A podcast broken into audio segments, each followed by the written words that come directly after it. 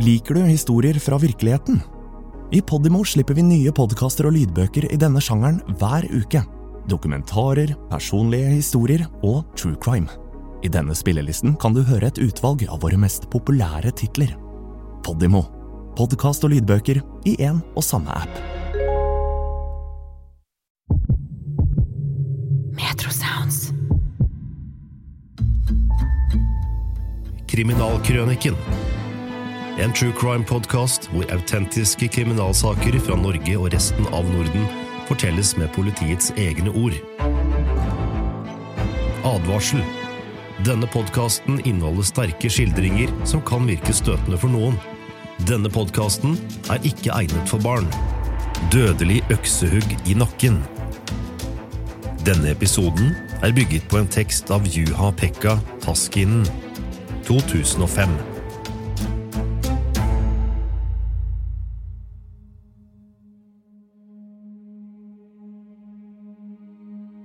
Hvordan kan en snill og i utgangspunktet sjenert gutt ende som drapsmann?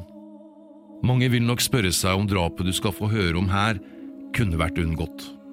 I hjemtraktene hans i Finland hadde mange i lang tid vært redd ham. Det hadde ikke manglet på bekymringsmeldinger og advarsler, like fullt endte historien på verst tenkelig måte. Er det slik at samfunnet står maktesløse overfor mentalt syke mennesker?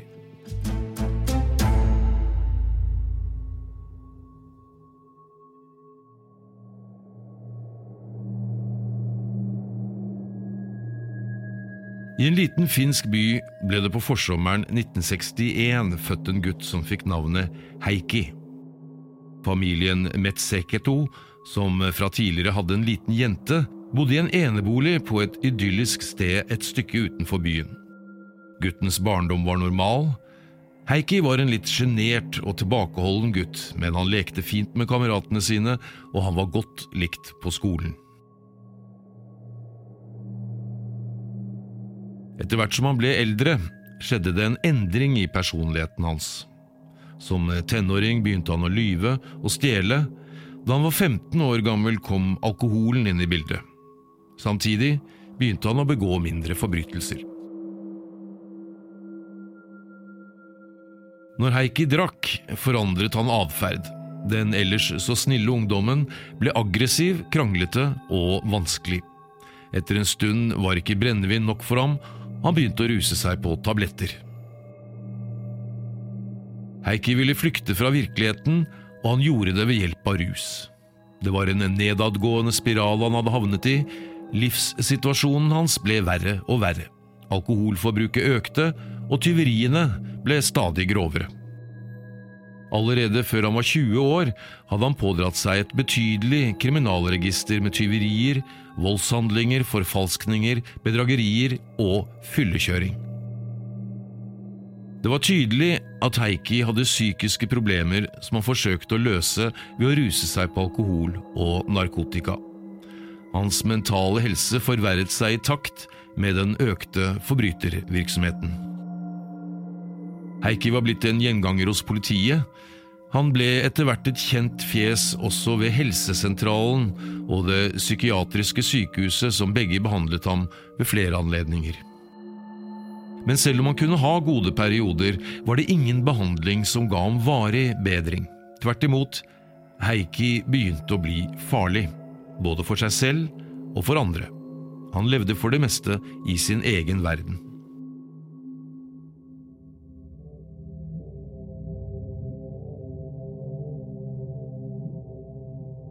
Finnes tegn på at Heikki tidvis hadde selvinnsikt nok til å skjønne at han trengte hjelp. På sykehuset søkte han f.eks. mot demonene som hadde tatt plass i hodet hans, de som kommanderte ham til å gjøre både det ene og det andre. Demonene som gjorde hver dag til et helvete for ham. Heikki slet, og etter hvert utviklet han en alvorlig sinnssykdom, og kombinert med alkohol og narkotika ble han en tikkende bombe. Han havnet i fengsel en rekke ganger, der fikk han også behandling for sine mentale lidelser. Heikkis liv gikk i sirkler. Så fort han ble sluppet ut av fengselet, havnet han innenfor murene igjen. Når han fikk hjelp, skjedde det enten med ønske fra hans pårørende, eller med tvang eller ved egen vilje. Forbrytelsene fortsatte, og omgivelsene var redde. Det kom inn en rekke anmeldelser på ham. Han hadde blant annet skremt noen barn på en lekeplass ved å true med å drepe dem. Daglig kom det meldinger om Heikis merkelige oppførsel. Det ble for eksempel meldt at han gikk rundt i byen med en teddybjørn i hendene og oppførte seg aggressivt mot tilfeldige mennesker. Han hadde dratt til byens svømmehall, der han badet sammen med teddybjørnen, og på den grunne delen av bassenget sto han og onanerte mens han kikket på damene. De fleste var redde for Heikki, men ikke alle kjente til hvor eksplosiv, truende og kranglete han kunne bli når han drakk og ruset seg. Den 22 år gamle Jari Melkinen var en av disse. Så da han den 6. juli 1990 dro ut for å drikke og kom i snakk med Heikki, hadde han ingen forutsetning for å vite hvor farlig dette kunne komme til å bli. Nå vet vi at dette ble Jaris siste tur på byen og en total endring av tilværelsen til Heikki. Om kvelden fredag 6. juli 1990 dukket Heikki plutselig opp på politistasjonen. Han fortalte vakthavende at han samme kveld hadde drept en mann. Drapet skulle ha skjedd i Heikis leilighet, som lå i annen etasje i eneboligen han delte med sin mor. Heikki fortalte at han hadde slått mannen i hodet med en øks fordi han hadde gjort homofile tilnærmelser mot ham. Dette hadde gjort Heikki rasende, det hadde svartnet for ham. Ved politivakten trodde man først at han bare pratet tull. Heikki hadde flere ganger tidligere kommet til politistasjonen og fortalt de villeste historier. Det var med andre ord ikke så rart at politivakten var noe skeptisk til denne nye historien hans.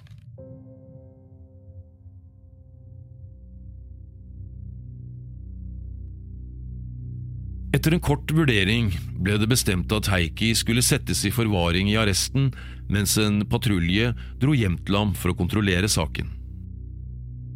På veien mot huset der Heikki bodde sammen med moren, kom politimennene til å tenke på noe som hadde skjedd da de besøkte stedet sist. Da hadde moren måttet tilkalle politiet for å få dem til å berolige sønnen. Den gangen hadde Heikki sett syner han hadde søkt tilflukt i leiligheten sin i annen etasje for å gjemme seg for ukjente vesener. I et forsøk på å hindre disse onde åndene i å ta seg opp til ham, begynte han å kaste inventaret ned trappen. Stoler, bord, en sofa og en haug mindre saker kom fykende gjennom luften og ned trappen. Politiet hadde ropt til Heikki at han fikk se å komme seg ned, men han reagerte ikke på dette. Han hallusinerte fortsatt og skrek av full hals for å skremme vekk de onde åndene. Når politifolkene forsøkte å ta seg opp trappen, kastet han alt han kunne få tak i mot dem. Bøker, lamper, alt mulig haglet mot dem. Da politiet endelig kom seg opp i leiligheten, var Heikki vekk. De kikket inn på toalettet og la merke til at det lå noen trefliser strødd rundt på gulvet. Det var en luke i taket der. Heikki hadde kommet seg opp på loftet via takluka. Politiet forsøkte å åpne luka, men klarte det ikke. En hysterisk Heikki hadde stilt seg oppå den. Nå sto han oppå luken og skrek at han kom til å drepe den som prøvde å få tak i ham. Politifolkene klarte å få tak i et kubein, og med det rettet de noen kraftige slag mot luka, som var laget av en relativt tynn sponplate. Etter en del slag sprakk luka, og Heikki, som hadde stått oppå den, braste ned og havnet i en vaskeservant på toalettet. Under basketaket som fulgte, sa politimennene at de ikke var demoner eller lignende vesener. De forsøkte å forsikre Heikki om at han ikke hadde noe å frykte. Til slutt roet han seg ned og ble frivillig med dem til det psykiatriske sykehuset i byen. Men det gikk ikke lang tid før han var ute igjen, og denne gangen resulterte det i at han ble drapsmann. Patruljen som rykket ut etter at Heikki troppet opp på politistasjonen og fortalte at han hadde tatt livet av en mann hjemme hos seg selv, var omsider kommet frem til boligen hans. Her ble de møtt av Heikkis mor, som løp fram mot dem mens hun skrek Hva gjør dere her? Heikki er ikke hjemme, kom dere vekk! Politiet forklarte henne på en rolig måte at de måtte kontrollere Heikis leilighet i annen etasje, for ifølge Heikki skulle det ligge en død mann der. Da moren hørte dette, ble hun fullstendig hysterisk. Hun forsøkte på alle måter å hindre politifolkene å komme inn. Hun stilte seg foran døren med armene utstrakt og skrek gjentatte ganger Dere kommer ikke inn her. Etter en stund med store protester ga hun opp og løp inn i sin egen leilighet i første etasje, der hun slo døren hardt igjen etter seg. Politifolkene tok seg nå opp i leiligheten til Heikki, og det tok ikke mange sekundene før de kunne konstatere at denne gangen hadde han ikke snakket tull. På gulvet i et av rommene lå en ung mann med stygge, åpne sår i hodet og i nakken. Overalt i rommet, på gulvet, veggene, møblene, til og med i taket var det levret blod. Det var tydelig at mannen hadde blitt angrepet med en tung, skarp gjenstand. Denne gangen hadde ikke Heikki bare truet med å drepe, nå hadde han gjort alvor av trusselen.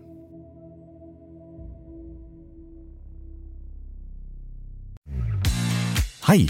Har du lyst til å høre mer som denne podkasten, men helt reklamefritt? Da vil jeg anbefale deg å laste ned Podimo-appen for en gratis prøveperiode. Ikke bare finner du kvalitetspodkaster innen alle sjangere, men også flere av de mest populære lydbøkene. Alt sammen i Podimo-appen. Politifolkene kjente raskt igjen mannen som lå død på gulvet. Det var Jari Mekkinen. Etterforskningen avdekket at han tidlig på morgenen den 6. juli 1990 hadde begynt å drikke alkohol. Senere på dagen ble han observert i sentrum av byen, hvor han temmelig beruset gikk inn på en pub og slo seg ned ved et bord sammen med Heikki. Etter en del øl begynte de å bråke. Dette resulterte i at de ble kastet ut. Etter utkastelsen gikk de ned til en sjø i nærheten, og der slo de seg ned og fortsatte å drikke. Jari hadde en flaske brennevin, og Heikki slepte med seg en kasse med 20 flasker øl. Godt bedugget foreslo Jari at de skulle dra til Tammersfors, hvor han hadde noen bekjente. Heikki mente det var bedre å bli med hjem til ham, der han kunne fortsette kvelden og siden sove over. I og med at Jari ikke hadde noe sted å ta veien, takket han ja til tilbudet. De hadde jo flere øl igjen, Sammen fikk de fatt i en taxi, og etter noen minutter var de fremme der Heikki bodde.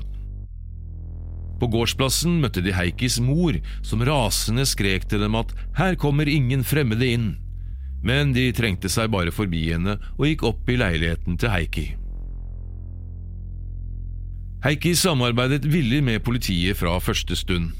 Samtidig fant de tekniske etterforskerne mordvåpenet og gjorde ellers en rekke andre funn som førte til at man kunne danne seg et godt bilde av hendelsesforløpet. Heikki fortalte i avhør at han hadde vært til behandling på det psykiatriske sykehuset i tre måneder, og at han kom hjem derfra 12. januar 1990. Selv om han hadde egen leilighet i annen etasje, tilbrakte han nettene nede hos moren og sov i samme seng som henne. Han bedyret imidlertid at han ikke hadde seksuelt samkvem med henne. Etter at han var blitt utskrevet fra sykehuset, levde han et turbulent liv med daglig inntak av alkohol og forskjellige tabletter. Dagene hadde han tilbrakt i en mer eller mindre tåkete tilstand.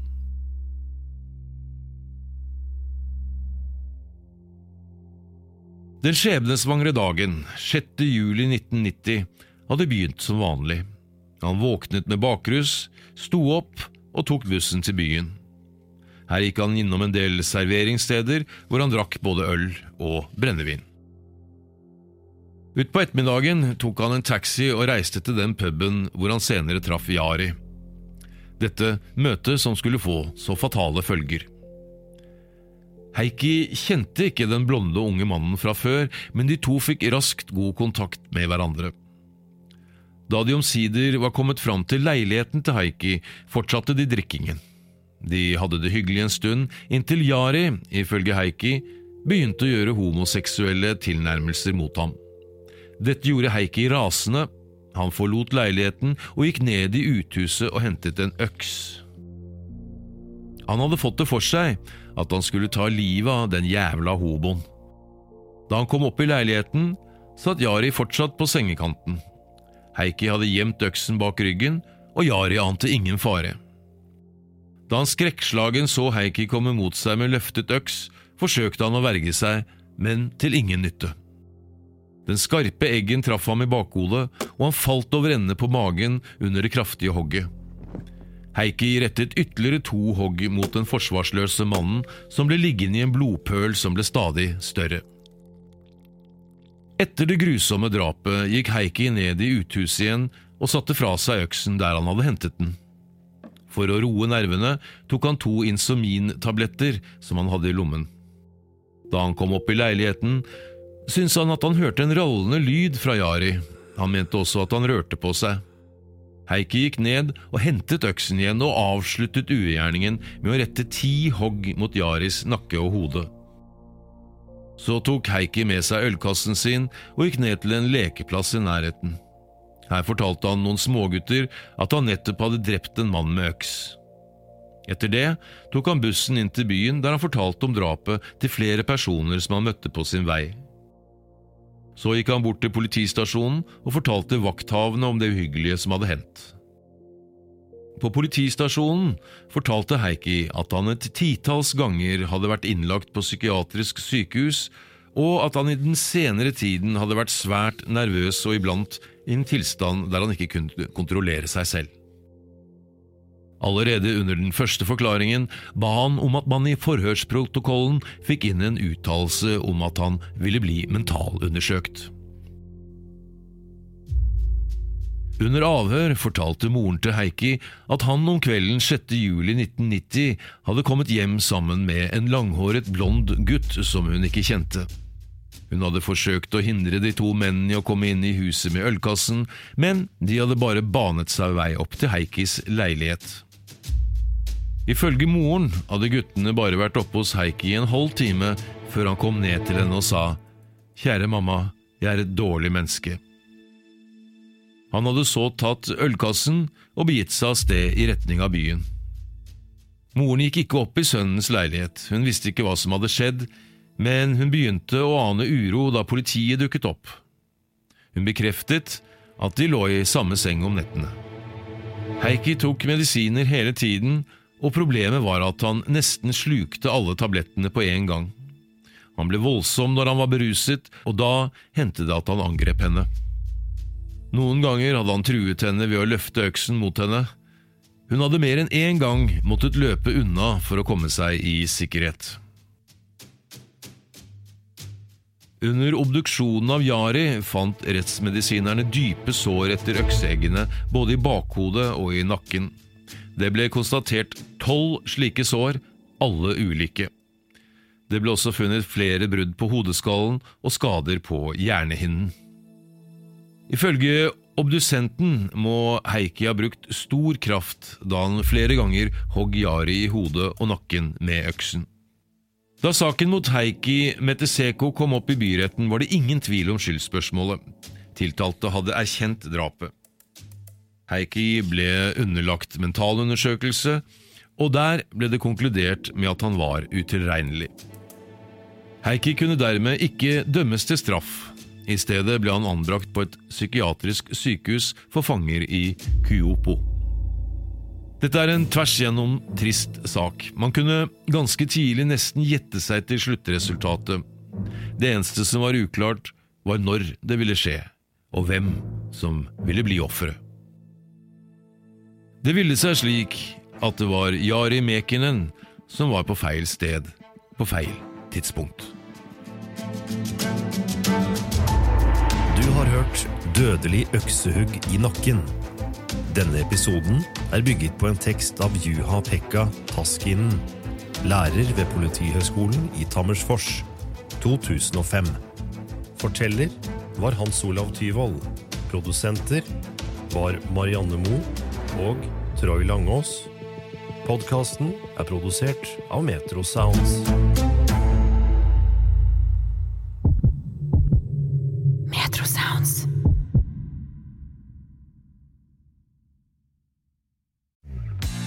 Likte du denne episoden? Så del den, da vel! Fortell en venn hva du hører på, og gi følelsen av god lytting i gave til noen du bryr deg om.